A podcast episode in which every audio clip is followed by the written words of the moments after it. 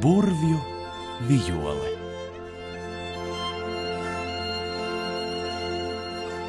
Dzīvoja reiz kāds nabaks vīrs.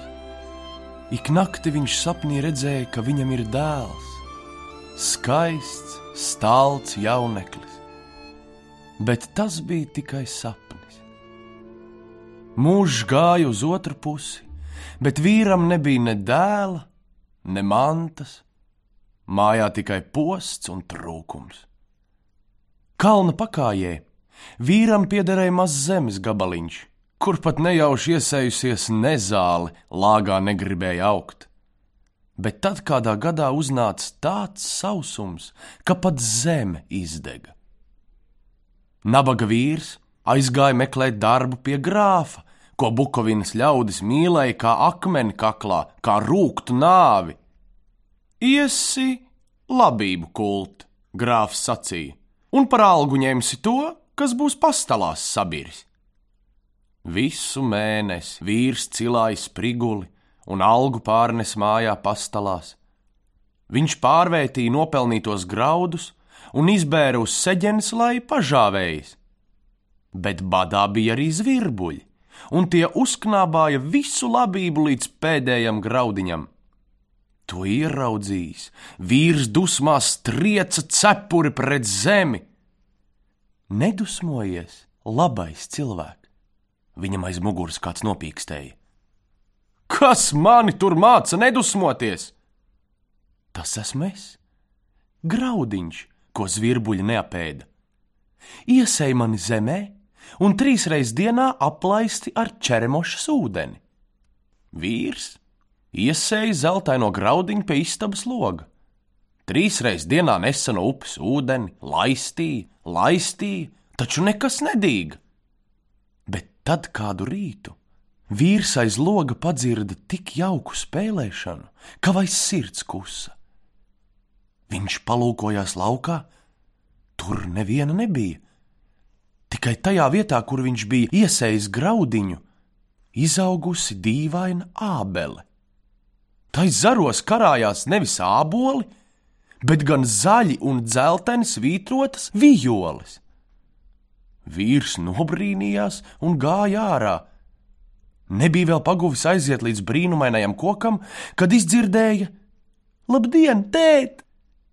Vīrs brīnījās vēl vairāk. Labdien, viņš atņēma. Kas man sauc par tēti? Es, jūsu dēls Petriks! Un no ābeles nolaica mazs, skaists puisēns. Ja jau esi mans dēls, Tad iesim tupeņus apkaplēt. Petriks paņēma līdzi violi un uzrāva tik jautru melodiju, ka tupenīši sāka augt, griezdamies un saplauka ziedos. Kas tā tev par violi? tēvs vaicāja. Tā ir tāda viole, ka labais pieņems spēkā, kad paskatos uz zaļo svītru, bet ļaunums nīkst, kad pieskaros dzeltenajai. Nabaga vīrs un viņa sieva nevarēja vien nopriecāties par brīnumaino dēlu. Viņi trīcēja un drebēja par puisēnu, lai tikai tam ne matiņš no galvas nenokristu. Bet Petriks nevarēja uz vietas nosēdēt, vienmēr grozījās ļaužu vidū. Kādu svētdienu viņš paņēma savu violi un aizgāja uz ciemu. Tur viņš ieraudzīja ļaudis dejojam, kaut gan neskanēja nec viola, nec cimbala. Tikai dejotāji paši sita plaukstas. Visi viņi bija tik novārguši, ka krita vai no kājām. Ko tie cilvēki dara? Petriks jautāja cieminiekiem. Kāzas svin, bet grāfs viņus savos darbos pa galam nodzinis. Kad šitie apmiršot, tad atvedīšot cilvēkus no aizjūras zemēm, tā viņš saka. Zēns paglaudīja savas violas zaļās svītras un uzrāva tik jautru deju, ka pat koku lapas sāka līgoties līdzi. Līgava un līgavainis bija kā rīta zvaigzne un mēnesis, un visi kāzinieki griezās līksmā dejā.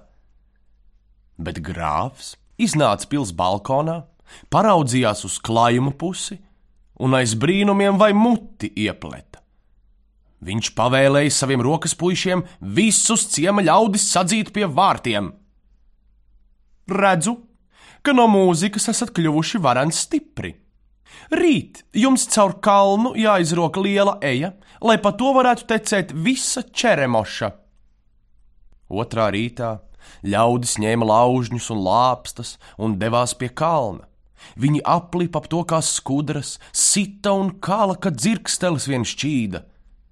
Gāja dienas, nedēļas, mēneši, un beidzot kalnam cauri bija izkalta eja.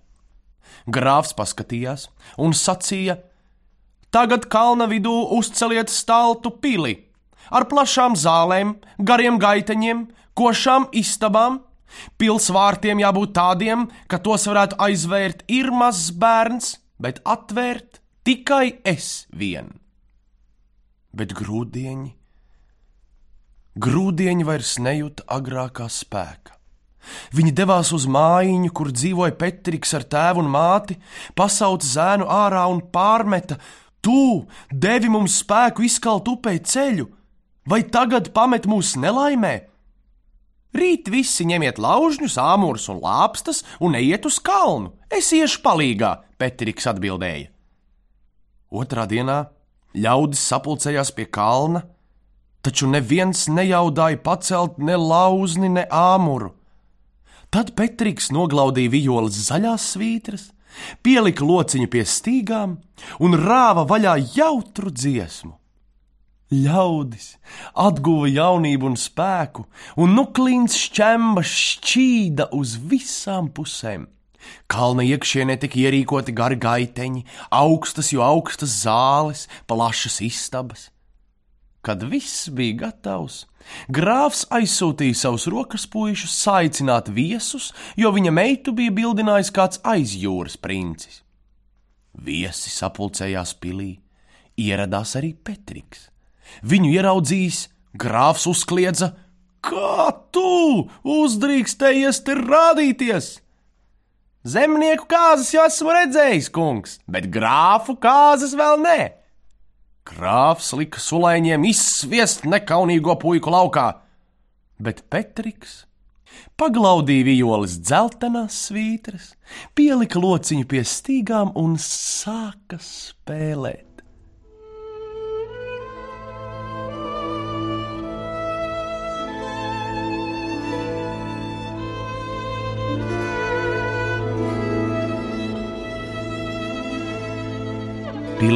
Tūdaļ iestājās klusums. Grāfs sakumpa, salīka, viņa rokas sāka trīcēt. Petriks izgāja pa vārtiem un aizvērtos uz laiku laikiem. Gāja gadi, vārti pamazām aizauga ar zaļu zāli, grāfu neviens vairs pat nepieminēja. Bet par Petriku un viņa burvju vijoli stāsta vēl šobaldien.